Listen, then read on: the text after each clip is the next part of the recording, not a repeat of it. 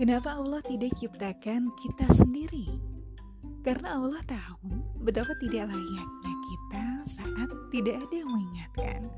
Sebagaimana Allah sampaikan dalam Al-Quran Surat Al-Asr agar kita saling ingatkan dalam kebenaran dan kesabaran. Sahabat baik, saya Sarah Nurul Fatimah. Insya Allah lewat podcast ini, mari kita belajar jadi baik dan saling ingatkan untuk menjadi baik.